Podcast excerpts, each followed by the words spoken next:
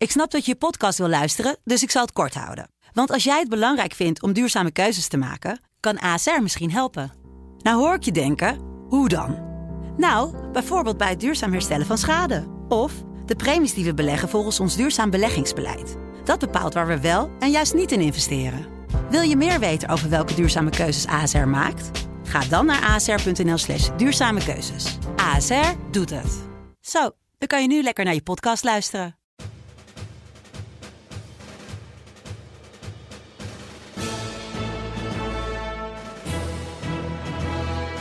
Dit is Delta Tango, de defensiepodcast van de Telegraaf. De deur zwaaide open en er stapte een uh, Duitse militair helemaal strak aan. En die zei met luide stem, Herr Oberst! Ja, Sylvan, je hebt van die weken dat het uh, lastig is om een onderwerp voor onze podcast te bedenken. Maar uh, deze week is eigenlijk een beetje het omgekeerde geval. We hebben zoveel onderwerpen dat we niet weten hoe we dat in een half uur gaan persen. Maar uh, we gaan een poging wagen. Er gebeurt ontzettend veel op defensieterrein. En ja, waar moeten we beginnen, zou ja. je haast zeggen? Nou, ik ga een poging wagen. Maar niet nadat ik iedereen welkom heb gegeten bij Delta Tango, de defensie- en veiligheidspodcast van de Telegraaf. Mijn naam is Olof van Jolen. En jullie hoorden hem al. Uh, tegenover mij staat uh, collega Sylvan Schoonhoven, onze defensieverslaggever, die zich de vingers blauw heeft getikt de afgelopen dagen voor uh, onze website nou. en, en, de krant. Heel goed, want daar betalen we je ook voor. Zeg ik vanuit mijn andere rol als jouw leidinggevende ook. hier buiten dit hok. um, laten we het eerst maar eens even, als we het toch over, over vermogens en veel geld gaan hebben, over de investeringen die bekend zijn gemaakt op maandag door staatssecretaris Van der Maat. 3,7 miljard euro uh, heeft hij uh, eruit getrokken. En daar zeg ik meteen bij, dat is een beetje opgepoetst. Dat is uh, een beetje in de serie Haagse werkelijkheid. Want het was eigenlijk een beetje een, een lappendeken, een verzameling van al eerder aangekondigde investeringen. Dit was eigenlijk, noem het maar, het formaliseren van wat er al in ja. de pijplijn zat. Maar ook wel met, met een opvallend element. laten we daar even mee beginnen.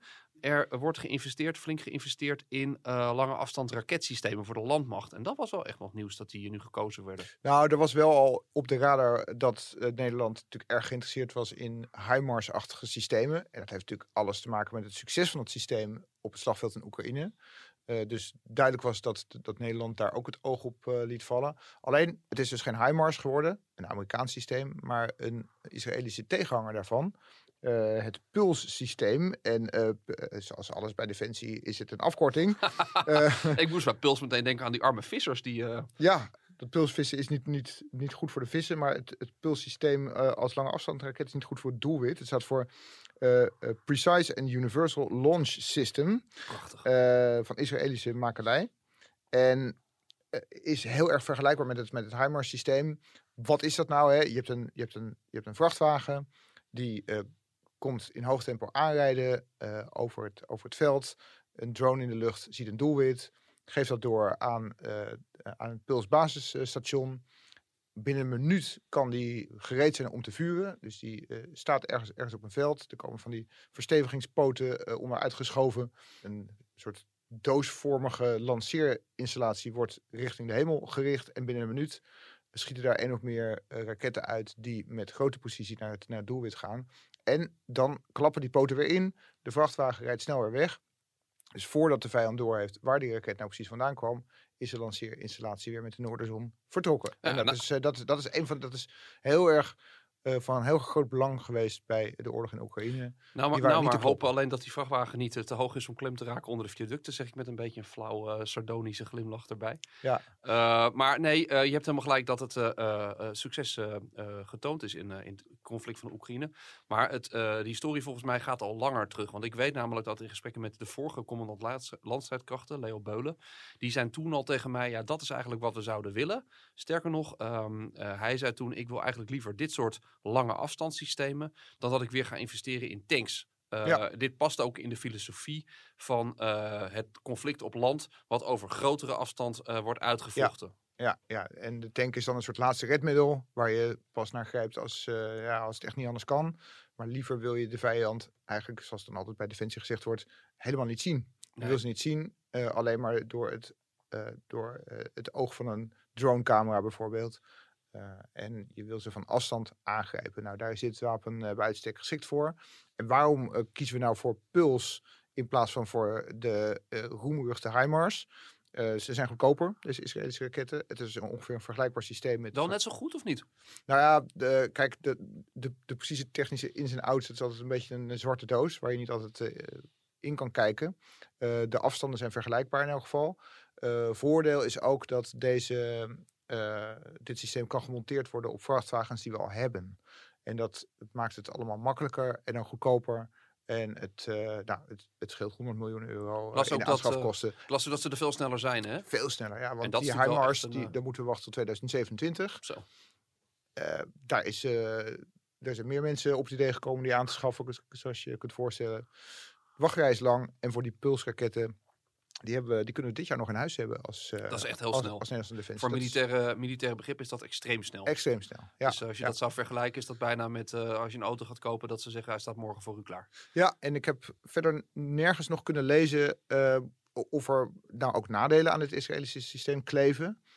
Want je zou zeggen, van, nou, het is bijna te mooi om waar te zijn. Ja. sneller, makkelijker monteerbaar, snel, lever, snel leverbaar goedkoper. Ja, wat, wat, is, wat is dan het nadeel van het systeem? En waarom koopt niet de hele wereld ze dan? Je kan hooguit, zou je kunnen denken dat um, wapens kopen is ook, uh, uh, zeg ik altijd, een beetje vriendjes zoeken. Koop je Amerikaanse waar, dan koop je daarmee ook Amerikaanse vriendschap. Goed, aan de andere kant, we halen ook nog genoeg uit de Verenigde Staten weg om, uh, om daar, uh, de, de, scheve ogen te voorkomen, denk ik. Ja, misschien even om, om het blokje van deze raketten, de pulsraketten, te besluiten. Het zijn raketten die ook GPS geleid zijn, dus geen domme raketten, maar met een. nee, dit zijn, nooit, dit zijn nooit domme raketten. Ah. Dit, dit, zijn altijd geleide raketten die, die ofwel via GPS, ofwel via laser, ofwel via andere systemen, altijd geleid naar hun doel gaan. Okay. Nee, het tijdwerk van een domme raket is, is al heel lang achter ons. Alleen de, de Russen ze halen aan onze kant van de Russen van halen ze alleen nog uit de, de arsenalen of uit de musea. Zeker, ja, ja. Ook een, een belangrijke, en die, die hing ook, uh, dat was natuurlijk ook wel duidelijk dat dat eraan ging komen, is een investering in, um, in extra vuurkracht voor, uh, voor de schepen. Hè? Ja, en dan heb je het over de Tomahawk kruisraket. Daarvan wel, was wel al langer bekend dat die um, eraan zat te komen. Dat was een lang gekoesterde wens en die gaat nu in vervulling. En dan heb je het dus ja, ook over een raket voor de wat langere afstand. Alleen dan uh, niet ge gelanceerd van een vrachtwa vrachtwagen, maar van een schip of vanuit een onderzeeër. Dat zijn dan de toekomstige onderzeeboten, want de huidige Nederlandse onderzeeboten kunnen dat niet. Die hebben nee. Nee, maar uh, zoals we al eerder hebben besproken bij Delta Tango, uh, de nieuwe onderzeeboten, nou, wordt al ellenlang al over gesproken. Ooit gaan en, ze er komen. En, en, dat is nou, nou een voorbeeld van iets wat er niet dit jaar nog is. Nee. Nee, dat is echt een, dat is een zeer slepend proces. Maar uiteindelijk zijn ze er en dan kunnen we ook die Tomahawk-raketten, die zouden uh, vanuit dat systeem kunnen worden gelanceerd. En dan kun je dus vanaf zee kun je doelen op het land aangrijpen. Ja, commandocentra, uh, logistieke uh, verdeelpunten. Bekende, bekende wapens. Opslag, opslagplekken. Ja, bekende wapens die zich al in menig conflict bewezen hebben als, als inzet. Het interessante is ook wat, wat je ziet daarmee, hè, want er komen ook nog, nog extra bewapening voor de, voor de, voor de jachtvliegtuigen, voor de F-35's. Ja, ja, en de, dan heb je het weer over vriendjes maken met de Amerikanen, want dit is een Amerikaans systeem. En die luistert naar de uh, vrije naam Joint Air-to-Surface Standoff Missile, of JASMER. uh, en de, wat moet je daarbij voorstellen? Dat is een kruisvluchtwapen. die hang je onder een vliegtuig. die gooi je af, maar die valt niet recht naar beneden. Maar die maakt een, die maakt een vlucht met een eigen motor. Oh. En die kan over lange afstand een doel treffen. En dat gaat dan ook weer geleid uiteraard met GPS of met ander doelgeleidingssysteem. En ja, dit, dit, zijn in feite kruisvluchtwapens. Defensie noemt het lange afstandswapens. Maar ik, ik sprak iemand uh, uit het wereldje en die zei van... Ja, eigenlijk is dat een beetje een eufemisme, lange afstandswapen. Het is, het is eigenlijk gewoon een, een kruisraket. Alleen een kleinere. Ja, en we hadden het erover van ja, het, het woord kruisraket heeft in Nederland altijd een, altijd een wat sombere lading. En Woensdrecht, massademonstraties. Woensdrecht, massademonstraties, jaren tachtig. Uh, iedereen was, dus, was, was tegen kruisraketten, hè, was, was toen het idee. En dat, die sfeer kleeft nog sterk aan dit woord. Terwijl in feite kruisvluchtwapen niet niks anders wil zeggen dat het een, gewoon een geleide raket is. En, en in ons geval was dat het verhaal dat er nucleaire koppen opkwamen. Maar je kan natuurlijk ook gewoon een conventionele normale kop erop doen. Ja, en hem- in ja. feite is het dan gewoon een, eh, een bom die zichzelf naar, eh, naar het doelwit vliegt. Ja, ja, en dus niet eh, binnen glijafstand, maar die moet dus zelf met een motor moet die, Ja. er naartoe. Ja. Het, het interessante is wat je nu ziet, en dat, dat is wel mooi. We hebben vorig jaar nog een verhaal gehad eh, over ehm, een, een aantal ehm, eh, knappe koppen die inmiddels eh, buiten dienst zijn bij Defensie. Die allemaal aangaven van, eh, oké, als je investeert, doe dat dan in die, in die vuurkracht op je bestaande wapens. Nou, die, eh, die, eh, die pulssystemen zijn dan, dat is een uitbreiding. Eh, maar de rest is inderdaad het opwaarderen van datgene wat je al hebt. Ja. Dus in die zin, eh, ze zaten er goed eh, bovenop, want dat is exact wat zij ongeveer voorspiegelden. En daarnaast presenteerde de staatssecretaris gisteren, nou dat zal bij de marine met, met ja, gejuich zijn ontvangen. inderdaad, nou eindelijk dat er wat van die twee vergatten komt. Want ja, ja eh, praat, je, praat je over een slepende kwestie. Die vergatten, dat is, ook, dat is er ook eentje. Want die zaten aan het begin van de vorige kabinetsperiode al, Ja. al in beeld. Toen werd er, ik kan me nog goed herinneren, een Belgisch persbericht verspreid van hoera, we gaan dat samen doen. Eh, ik belde toen naar Den Haag en zeiden ze ja, nee, dat is ook wel het idee. Eh, en onderhands is dat aan Dame gegund, die order. Vervolgens werd het alleen heel stil. Ja, en ik moest vanmorgen proest ik toch wel wat koffie uit toen ik eh, het stuk las van, van collega Peter Winterman van de staatssecretaris. Die zei dat het allemaal zo lang geduurd heeft door COVID. Ja, mijn neus. Het heeft vooral heel lang geduurd omdat er eindeloos gesteggeld is tussen Dame en Defensie over ja, we zeggen, wat is het budget en wat krijgen we daarvoor? Ja. Ehm, dus COVID zal vast nog een beetje geholpen hebben. En eh, het is inderdaad lastig om grondstoffen te krijgen. Maar dit is vooral eh, een, een ja, slepend proces geweest eh, tussen Defensie en, en degene die ze de klus gegund hebben. En met, met België, hè? want ook in dit geval levert het gesteggel op met, ja, in België is men kwaad dat, dat, dat dit vergat weer duurder uitpakt dan gedacht. Ja, waardoor zij geld mislopen. Nou, dat wordt nu gecompenseerd. Dus het is inderdaad ook altijd een politiek steekspel, zo'n eh, zo'n aanschaf van zo'n wapen. eh, wapensysteem. En een schip is, is, is dat in feite natuurlijk ook. Dit is een, eh, ook een vergat dat tegen onderzeeërs kan worden ingezet. Hè? dat is een van de traditionele missietaken van een vergat. Eigenlijk die vergatten, je moet ze zien als, als de werkpaarden van de marine. Dit is, dit is het, eh, eh, de multitool. Je kan hier, je Kan kan hier- overal- je kan hier overal eigenlijk overal. Ja, en dan heb je Ja. natuurlijk nog één stapje hoger. Dat zijn de luchtverdedigingsvergatten. En dan zit het met name in, in de bewapening van die vergatten, maar ook Ja. zo zeggen hun radarinstallaties en wat ze aan boord hebben. Maar die hebben we al. Hè? die, hebben we al. eh, Die zijn wel inmiddels ook al aan het verouderen. Dus die moeten ook weer geüpdate worden. Maar die vergatten, eh, ja, je zal als je denk ik diep doorvraagt bij mensen binnen de marine zeggen.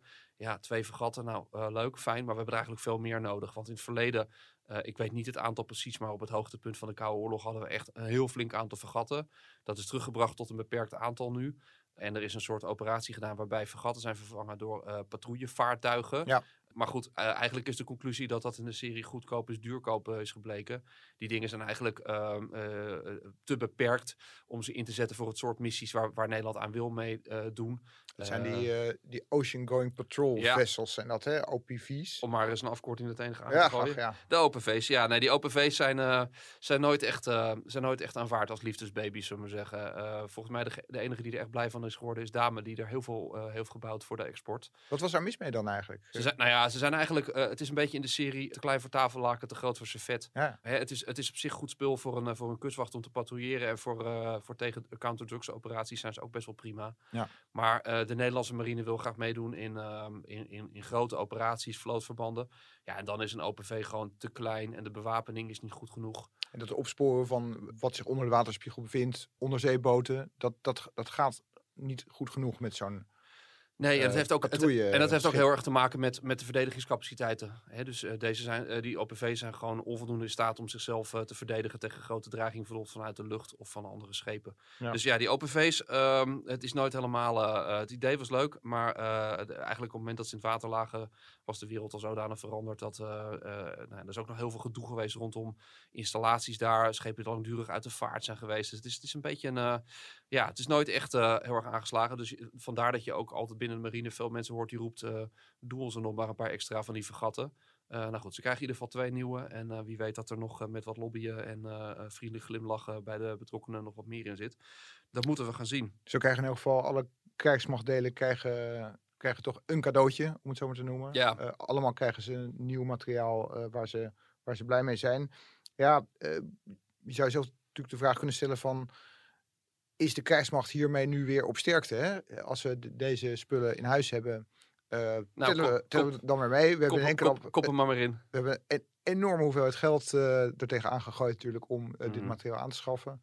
Maar ja, daarmee zijn we er natuurlijk nog niet. Nee. Eh, Nee, die suggestie wordt wel gewekt. Ja. En eh, dat zou ik ook doen als ik staatssecretaris was. Want uiteindelijk wil je natuurlijk ook een beetje eh, goed voor de dag komen. Maar ja, we kom- je komt van zo ver. Eh, en mind you, het zijn ook capaciteiten waar de NAVO al eindeloos om zeurt. Hebben met name die extra artillerie. Dus die, die, die raketsystemen, of in ieder geval extra vuurkracht. Ja. Dat is iets wat al in, in meerdere NAVO-rapportages langer wordt geroepen van Nederland doe er wat aan. Dus het is echt het inlossen van oude schulden. Eh, en, eh, en met name ook als je kijkt naar de marine, ja, eh, onze vloot is nog buitengewoon beperkt op dit moment. Dus het is mooi, het is een goede stap. ehm, eh, en iedereen zal dit uitventen als een groot succes. Maar nee, hiermee ben je er als krijgsmacht nog niet, nee. Nee. Zullen wij, ehm, Ja. want we hebben beloofd dat, we, dat we wat meer onderwerpen laten de, ja, dat ligt e- echt wel een beetje in het verlengde hiervan. Hè? Want Nederland op zichzelf kan militair gezien natuurlijk niet geheel op eigen benen staan. We moeten samenwerken met, eh, met de partners. Daarvoor ben je ook bondgenoot uiteindelijk. En eh, nou, een verdere stap in de integratie van eh, twee krijgsmachten is eh, vorige week ook besloten. namelijk door het in elkaar schuiven van de eh 13 lichte brigade onder het commando van de Duitse 10e panzerdivisie. Het is natuurlijk fascinerend. Ik, eigenlijk wil ik jou en daarmee onze luisteraars even terugnemen naar, naar een beetje eh, eerder in dat proces. Die, die, die eh, versmelting van met name de landmacht, die loopt al wat langer. Het begonnen ooit met het Duits-Nederlandse legerkorps. Niet zoveel mensen weten dat eigenlijk. Hè? Als je dat op straat vraagt aan iemand van... joh, wist jij dat, dat het Nederlandse leger en het Duitse leger... eigenlijk grotendeels in elkaar geschoven De landmacht, zijn? ja. Nee, Eh, dat, landmacht dan, nee. met name. Ja, eh, in elkaar geschoven zijn. Dan zullen mensen zeggen van ja... eh, je bent niet wijs. dat, is, dat, is, dat is ik denk zeker de oudere generatie zal denken... Dat is de vroege vijand, we hebben het Wat hebben we het over? Wat, wat moeten we met... eh, Dat met kan toch niet waar zijn? we gaan toch niet in, in bed liggen met die mof, zullen we zeggen. Weet je, die, wat waren dat jargon te Ja. gooien. Nee, dat, dat, dat is ook zo. Maar dat is natuurlijk wel zo gegroeid. Hè? Onze landen passen toch best wel bij elkaar. Eh, eh, en soms ook weer niet. Want ehm, het interessante was, eh, toen ik met Defensie eh, begon in 2016, was dat allemaal al behoorlijk in ontwikkeling, maar ging dat nog wel nog een stuk minder ver. Een van de eerste clubs waar ze toen na de, het, Nederlands-Duitse legerkorps ook mee aan de gang gingen, was het za- gezamenlijke panzereenheid, of de, de, de tankereenheid. Ja. Hè, even, in Nederland had de tanks wegbezuinigd en toen kwam er binnen de landmacht toch zo'n idee van, oh mijn hemel, als we dat, dat middel helemaal kwijt zijn, verliezen we ook heel veel kennis. Dus laten we op een of andere manier toch voor zorgen dat we ze een beetje houden, dat we, nog, dat we toch die kennis binnen de organisatie houden. Nou, dat werd toen de, de oplossing met de lease tanks eh, van de Duitsers. Waarbij eh, Nederlandse tankers eh, in Duitsland aan de gang gaan binnen een Duitse eenheid. Dat was allemaal net nog een opbouw. En ik ehm, dacht toen, dat is leuk om eens daar eens te gaan kijken hoe dat eraan toe gaat. En, Want dat was de, dat is de- we hebben het dan over de 43 gemechaniseerde brigade... die in de eerste Duitse panzerdivisie is eh, ingeschoven, toch? Ja, En- ja. Nee, dus ik ging daar kijken in Bergenhone. Een fantastische koude oorlogbasis, grotendeels verlaten. Wat ook heel bizar was. Je komt daar en het is, dit, alles is alsof het, alsof het gisteren is opgeleverd. Maar het was compleet verlaten. En dus een deeltje daarvan werd weer heringenomen door eh, die Duitse-Nederlandse eenheid. Ehm, en ik eh, werd ontvangen door de commandant, dat was een kolonel. En die zat vlak voor zijn pensioen. Dus dat was een beetje in de serie van... joh, eh, ik ga gewoon lekker zeggen wat ik vind. En eh, we merken het wel, want ik hoef me toch nergens meer zorgen over te maken. De, nog een afkorting, FOO longt. Het functioneel leeftijdsontslag. Ontslag. En toen zei hij alleen tegen mij, niet schrikken zo direct. En ik dacht, van, waar heeft die man het over? En we gingen zitten in zijn bureau, deur dicht. En op een gegeven moment, uh, nou, dat we een tijdje zaten te praten, flinke beuk op de deur. Deur zwaaide open en er stapte een, uh, een Duitse militair helemaal strak aan. En die ging in de houding staan en klakte met zijn hakken tegen elkaar. Dat roept toch wel een beetje associaties op uh, bij ons. En die zei met luide stem, Herr Oberst! En ik keek, ik keek, mijn, mijn, gesprekspartner aan en dacht, wat is dit? En uh, deur, uiteindelijk meneer verdween weer naar zijn mededeling. En hij zei, nou, dat bedoel ik nou. Dus het is toch, ze hebben elkaar echt moeten vinden. En die culturen die, die, die blijven wel ook van deel verschillend. Daar heb jij denk ik ook liggen, wel, ja, heb liggen, je ook het nodige van gemerkt de afgelopen tijd? Die liggen best wel ver uit, uit elkaar. Hè. Ik, de, dat werd mij ook duidelijk toen ik vorig jaar op een uh, oefening was in Duitsland. Waarbij uh, ja, ook Nederlanders en Duitsers uh, samenwerkten. En daarbij werd gezegd van, ja, die cultuur, daar, zit toch een, daar zit toch een kloof tussen. Het Nederlandse generaal, die wordt gewoon met hoi aangesproken. Hoi, hoi generaal, is het? En die, uh, en die, die, die loopt gewoon s'avonds, uh, ja, komt gewoon bij Ont, de manschappen ontsteekt langs. dan niet in woede of zo? Nee, maar die, nee, die prima. prima. En, die, en, en, die loopt een beetje tussen de manschappen door. En dat is allemaal heel gezellig. En die, en die zit eigenlijk een beetje op hetzelfde level. Ja, uh, ja dat is on, ondenkbaar toch bij de, bij, bij de Duitsers. als de generaal daar langskomt, dan, dan is dat bijna een eh, ceremonie. En, die, en zo'n generaal komt daar niet, komt er niet even, even hallo zeggen, maar die, eh, hè, dan, dan moet er een soort lagerunterricht, zoals dat werd, werd genoemd, worden gegeven. Een soort, een soort lezing over een, eh, ja, over een militair onderwerp. eh, moet daar zeer serieus aan de orde De worden generaal gesteld. ontvouwt zijn visie. Ja, volgens mij werd dat genoemd een uh, lagerunterricht zum, zum Unterhaltung. Ja, Dus eh, niet te spontaan, vermaak, goed voorbereid. hè, ter vermaak, maar toch ook ter lering. Ja, ja. Zo Nee, gaat dus- dat daar. Maar goed, kijk je, ondanks die cultuurverschillen is het natuurlijk wel inderdaad logisch dat die krijgsmachten elkaar opzoeken. Het interessante vind ik altijd, heb- ik heb altijd gehoord dat veel van die initiatieven eigenlijk niet zozeer hun basis in het politieke vonden ooit, maar dat die veel meer kwamen vanuit de eenheden. En mensen die elkaar leerden kennen, officieren die elkaar leerden kennen op uitzendingen en het daar toch goed met elkaar konden vinden, ondanks die cultuurverschillen. Eh, en zeiden, nou, misschien kunnen we samen wel dingen doen. En dat is een beetje zo organisch gegroeid naar meer en meer. En je ziet gewoon nu dat bepaalde taken, ja, die, die, gewoon, die de landen in, in hun eentje niet meer wisten te, eh, wist eh, drijvend te houden. Als je het samen doet, dan kan het wel. En, en waar je nu, wat je natuurlijk nu een beetje ziet gebeuren, is dat er wordt voorgesorteerd op, oké, als jullie nou dit doen, hè, dus bijvoorbeeld die tanks, Nederland, eh, de Nederlandse militaire leiding en ook de politieke leiding blijft toch wel redelijk zeggen, jongens, die tanks die komen echt niet meer terug bij ons, gaan we niet doen. Maar als we nou de Duitse eh, partners eh, meer tanks laten kopen, kunnen wij wel personeel die kant op schuiven. En dan doen zij de tanks voor ons. En andersom, bijvoorbeeld Nederland heeft een zwaardere component luchtverdediging. Eh, nou, laat ons dat dan doen. Dan bouwen wij dat op en dan schuiven we dat ook in elkaar. Dus over en weer doe je voor elkaar dingen. En dat klinkt heel logisch, maar volgens mij zitten er ook wel nadelen aan. Ja, er zitten nadelen aan, want je wil eigenlijk als land toch ook eigenlijk helemaal op, op eigen benen kunnen staan. Hè? Want je, weet niet, ja, heel, heel bot gezegd, je weet natuurlijk niet wie in de toekomst misschien toch onverwacht je vijand wordt, omdat daar een politiek een hele andere wind gaat waaien. eh. Mhm. dus wie nu je vriend is, kan over, nou, niet, niet over een jaar, maar misschien over tien jaar opeens toch niet meer je vriend zijn. En dan, als je dan met elkaar bent verweven, ja, dan zie je het dan maar weer eens eh, uit elkaar te pluizen, zodat je toch weer je eigen broek kunt ophouden. Dus dat, dat is natuurlijk altijd een risico daarvan. Je hebt, natuurlijk, je hebt natuurlijk ook over het soevereiniteitsvraagstuk. Hè? Eh, Nederland stond in ieder geval heel lang echt anders in missies. Als je kijkt naar Afghanistan. Ja, Nederland ging daar naar, eh naar Oeruzgan. eh, weet je wel, het hartje van de brandhaard. Volle bak aan, aan de slag. Offensieve acties, hard vechten. vonden we allemaal goed. Duitsland, met, met de traditie en de geschiedenis die ze hebben. had Heel terughoudend. Heel terughoudend. We doen fotoverkenningen vanuit Noord-Afghanistan. Ja. Ehm, ja, weet je, als, als er, eh, ik kan me zo voorstellen als er, je hebt ook de worsteling gezien voor de levering van tanks eh, in het Duitse, hoe lastig dat lag. Terwijl in Nederland eh, was het eigenlijk eh, zo afgetikt. Was er niemand in de Kamer die zich er altijd druk om maakte. Ja. En, en daar zit je natuurlijk ook mee van, kijk, zeker als het nu om de verdediging van de Oostflank gaat, zal er weinig discussie zijn. De- daar zal een Bundestag ook echt wel voor zijn. Maar voor toekomstige uitzendingen en missies, in potentie is dat lastig. Als je bepaalde middelen hebt ondergebracht bij je bondgenoot, dan zal die dus die ook moeten vrijgeven voor zo'n missie. Ja, maar wat nou als de hele bondsdag tegen is, dan heb je toch echt een probleem. Ja, precies. En het wordt er ook logger door, hè? om- Als iets door twee parlementen moet, Ja. eh, in plaats van door één. Eén is al log en traag, in, in veel gevallen, maar twee wordt al ingewikkelder. En als er nog een derde partner bij zou komen, ja, je kunt je voorstellen dat je dan misschien een heel stroperig geheel zou kunnen krijgen. Overigens is het een misverstand om te denken, sommige mensen denken dat, ehm, dat Nederlanders en Duitsers daar letterlijk schouder en schouder staan op pelotonsniveau. Maar dat, Mm. dat is niet zo. Eh, de leiding van een bataljon eh, is in gezamenlijke handen. Dus dat, dat, dat roleert. Ehm, maar het is niet zo dat in elk peloton dat dat voor de helft uit Duitsers, voor de helft uit Nederlanders bestaat. Iedereen kan eh, zich een voorstelling maken van waarom dat is. Het is in een gevechtssituatie natuurlijk niet handig als je elkaars taal niet spreekt. Ehm, Ne- Nederlanders spreken eh, geen Duits, eh, over het algemeen redelijk Engels. Eh, Duitsers spreken redelijk Engels, maar je wil niet in een noodsituatie Nee, eh, in een tank bijvoorbeeld miscommunicatie krijgen over wat er moet gebeuren. dat in iemand op zijn smartphone zit te kijken en vertaalt wat het woord is dat hij net denkt te hebben gehoord. Dat soort situaties wil je niet. Du- Dus er zit, er zit wel een grens aan het in elkaar schuiven van legereenheden. Dat, dat kan tot op een bepaald organisatorisch niveau. En daaronder niet meer. Ja, de vraag waar je ook nooit onderuit komt, ehm, en ik, maar ik stel hem toch even omdat ik denk dat, eh, dat menig luisteraar die het er ook heeft. eh, is dit een voorbode van een Europees leger in jouw ogen? Nou, ik denk dat dit wel eh, het meest vergaande experiment is tot nu toe in Europa. Wat daar in de buurt komt bij een Europees leger. Maar gaan, we- gaan, we nog, gaan we echt één Europees leger krijgen, denk je?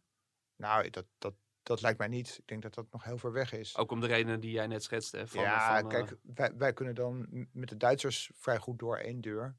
Eh, maar stel je voor dat wij met de Fransen iets zouden gaan ondernemen. En Stel je voor dat je een soevereiniteitsdiscussie gaat krijgen over de inzet van een Europees leger met tig li- lidstaten. Ja, dat, dat, dat wordt onwerkbaar op allerlei niveaus. Dus Ja. ik denk dat er heel veel redenen zijn om dat niet te, niet te willen. Eh, en dus ook niet te verwachten dat, dat, dat, dat, Nee. dat het gaat gebeuren. Maar wat, wat je wel ziet is dat dat voorbeeld van eh, dat Nederlands-Duitse eh, leger en die samenwerking tussen die twee landen, dat, daar wordt wel met, met, met enige afgunst naar gekeken door alle landen, begreep ik. Als van, hé, hey, dat, dat, blijkbaar kan het dus wel. Hey, tot slot, ik, ik, ik wil nog over één, ehm, over één zaak hebben. Dat, dat zullen we wat korter doen, maar wel intrigerend. Eh, al is het maar ook omdat ik hem zelf aan het begin deed.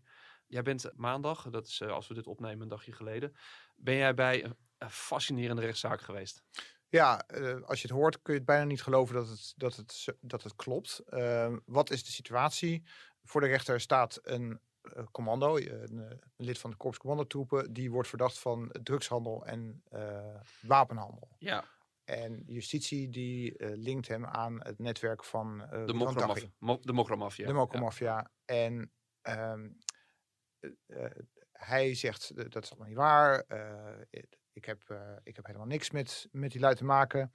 Eh, ik eh, ben juist betrokken geweest eh, bij een plan om eh, het kopstuk eh, van die Mokromafia, uh, Ridwan Taghi, om die uit te schakelen. En dat zou eh, gaan om een plan door de staat opgesteld om Taghi in Iran of Dubai, op dat moment in 2019 was het nog niet 100% zeker dat hij in Dubai zat, eh, eh, eh, om, om hem daar te laten arresteren door de plaatselijke overheid. Hè. Dat, dat, Ja. dat was het beste scenario. Mocht dat niet lukken, was het dan mogelijk voor Nederland om hem clandestien te ontvoeren. Om hem gewoon ja, eh, in een busje te gooien, als het ware, weg te voeren. En in Nederland te en ja, hier, hier te berechten. Ah, Hm, dat, dat, dan kom je al op eh, terrein eh, waar Nederland zich niet dagelijks begeeft, zou je nee, dan, denken. dan, dan denk ik meteen aan, aan Mossad-achtige acties. ja, en je denkt nog sterker aan de Mossad bij de laatste optie van als dat ontvoeren niet zou lukken, ja, om hem, ja, hoe wil je het noemen, uitschakelen, neutraliseren. Iedereen begrijpt wat daarmee bedoeld wordt. Dat, is, gewoon, dat is gewoon omleggen. Tom Clancy. Denk ik dan Ja, meteen. Dit, zijn echt ja. een soort hele heftige... En eh, dit is dus een bewering van deze verdachte, die eh, zegt, en er is ook een getuigenverklaring die dat, die dat een, een- voor een deel ondersteunt, eh, die zegt van, ik ben benaderd als ja, zeer ervaren KCT'er om mee te denken over deze scenario's. En dus ook dat scenario van uitschakelen. Vond je dat raar om te horen of niet? Nou ja, uiteraard is dat raar, want wij, wij kennen de Nederlandse overheid niet als een overheid die dit soort voor de Mossad vrij, vrij eh, gebruikelijke acties uitvoert. Hè. Dus, zoals we weten, daar zijn boeken voor over geschreven. eh, Israël eh, ziet het als een soort routineklus om in het buitenland tegenstanders uit te schakelen. Ja, En dat gebeurt dan met eh, bomaanslagen, met scherpschutters, met allerlei technieken worden tegenstanders, die worden, ja, die worden domweg omgelegd. Nederland is daar te netjes voor, zou je kunnen zeggen. Die, eh, die, die waagt zich niet op dat, op, op dat vlak. Ja, dat, dat maakt het tot een, tot een heel onwerkelijk verhaal. tegelijkertijd, want ik, ik, eh, jij, jij kwam er voor het eerst eh, mee en zei dat tegen mij ergens vorige week, eh, toen je dat aan het researchen was. En toen zei ik, ja, maar ik weet wel dat het Korps van Mandeltroepen heel erg aan het nadenken is over wat moet hun positie nu zijn. Hè? Want op dit moment zijn er voor het KCT eh, tot Oekraïne waren er niet echt meer conflicten waar ze actief konden, konden zijn. En ze gingen ook nadenken van wij zijn natuurlijk eigenlijk het hoogst eh, inzetbare geweldsmiddel, het meest geavanceerde geweldsmiddel van ons land, het slimste geweldsmiddel. We moeten nadenken over wat zijn de grote bedreigingen voor de Nederlandse staat, voor de Nederlandse Ja. rechtsstaat. Ja, dan is natuurlijk dit soort georganiseerde misdaad die ook eh, heeft bewezen niet terug te deinzen voor, het, voor ontwrichtende terreur. Is natuurlijk wel een logisch doelwit eh, om daar eh, op, een manier tegen op te treden. Dus als je in die context denkt, is het niet heel raar dat er wellicht een soort, ja, het klinkt raar in dit thema, maar soort brainstorm is geweest van, joh, zouden jullie eh, tegen deze meneer wat kunnen uitrichten? Ja, en wij, wij weten natuurlijk uit de research voor ons boek Schaduwoorlog Oeruzgan, weten we dat het KCT in Afghanistan wel met dit bijltje gehakt heeft. In die zin dat wij toen vernamen dat het KCT daar op een gegeven moment een soort profielen meekreeg vanuit de militaire inlichtingendienst. Het werd ons verteld door eh, Gijs Tuinman, hè, de, de, met de militaire Willemsorde onderscheiden eh, commando, die zei dat de MIVD, de militaire inlichtingendienst, had een soort profielen, hè, fotootjes, dossiers van oké, deze meneer, dat is een commandant, die moeten we hebben, die moeten we eh, ja, aanhouden. Ja. En het, het KCT werd dus gericht op die mensen afge, afgestuurd om die aan te houden of uit te schakelen. En dat, dat was toen politiek al beladen van hè, wat, is, wat is nou uitschakelen precies? Eh, wat, is nou, ehm, wat is nou aangrijpen? Eh, betekent dat dat die mensen worden omgelegd? Nou, we hebben daar niet helemaal de vinger achter kunnen krijgen wat dat is. Eh, we kregen de verzekering op een gegeven moment van...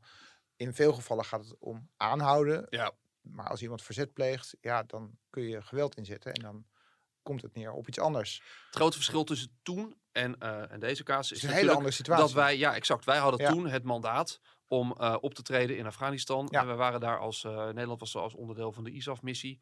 Eh, en in dat kader hadden we eigenlijk van de Afghaanse regering carte blanche om in ieder geval daar te opereren en dat te doen. Terwijl nu, Heel anders is dat. nu zou je in een, in, exact, in een autonome staat komen waar, je, ja, waar het niet zo gewaardeerd wordt als je daar met troepen aan, de, aan de gang gaat. Dus ja, het is, de, het, het, het is een verhaal wat, wat, aan bepaalde, wat op een bepaalde manier niet onlogisch is, maar wat aan de andere kant ook heel veel vraagtekens overhoudt. Gaan die beantwoord worden in de, in de komende zittingen, denk je? Nou, dat is maar helemaal de vraag. Want eh, advocaat eh, Marco Ruperti heeft gisteren de toga in de ring geworpen. Hij wil namelijk allerlei mensen eh, verhoren van de inlichtingendiensten Ja. ook. Die hier iets over kunnen zeggen. Over ja, hoe zijn cliënt heeft geopereerd. Ehm, eh, en als, als, eh, als oprichter van eh, het zogenaamde 102-commando eh, van, van het KCT. En dat, was een soort, dat is een soort brigade die optreedt in het buitenland om daar een soort voorverkenningen te doen. Die dus daar zeg maar, in de haarvaten van de samenleving zich beweegt om daar allerlei dreigingen te onderkennen. Dat is ook een soort innovatie-eenheid. Hè? Het idee dat Ja. zij dus nieuwe manieren van optreden door het KCT eh bedacht, eh, ontwikkelde. En advocaat Ruperti die zegt van, van ja, die eenheid, die 102, ja, die, die, die, die begeeft zich eigenlijk onvermijdelijk in een soort schemergebied. Ja. Dus eh, hè, die, die, moeten, ehm, die moeten zaken doen ter plekke met fixers. En ja, dat zijn niet altijd mensen met eh, brandschone handen. Ah. Dus eh, dan kom je al gauw in een soort, in een soort schemerwereld terecht. ehm, waarin ook dit soort operaties geen taboe zijn. Ja, wat, En wat zei Wat- de rechter? wat Vond daar hij- nou waar vond- hij het een prima idee dat die mensen gehoord werden? Nee, en dat is het probleem. Eh, geen van eh, de IVD'ers en MI MIVD'ers die hier iets over zouden kunnen zeggen, mogen worden opgeroepen als getuigen. Oh. Eh, en advocaat Ruperti zegt, het heeft allemaal te maken met staatsgeheim. Ah, Ruperti zegt van, ja jongens, zo kan ik een cliënt niet verdedigen. nee, ik nou, moet van, gewoon, van zijn kant ook wel begrijpelijk. Want hij moet daar waarheidsvinding gewoon- kunnen doen. En de moet rechter moet daar waarheidsvinding eh, doen. Ik moet gewoon kunnen aantonen wa- wat er is gebeurd en naar mensen voor kunnen horen. Ja. En als dat niet kan, ja, dan kan ik dus, eh, wat maandag gebeurde was redelijk uitzonderlijk. Ja. Dat een advocaat de verdediging neerlegt. Niet omdat hij slaande ruzie heeft met zijn cliënt, dat wil nog wel eens voorkomen. Exact, ja. Maar echt omdat hij zegt van ja, het wordt mij onmogelijk gemaakt om deze cliënt te verdedigen. Eh, deze cliënt, Sil A, moet dus op zoek naar een, naar een nieuwe advocaat. Ja, maar die zal dan tegen hetzelfde probleem aan gaan lopen. natuurlijk. Nou maar Want andersom die je- situatie verandert natuurlijk Andersom niet. kan je ook redeneren dat het voor, voor justitie erg lastig wordt om eh, wettig en overtuigend te bewijzen eh, eh, wat, er, wat er aan de hand is geweest. Want als er twijfel bestaat rondom hoe dat nou gegaan is, hè, als mensen niet gehoord mogen worden, je hebt natuurlijk ook als verdachte recht op het horen van getuigen à décharge, zoals het heet.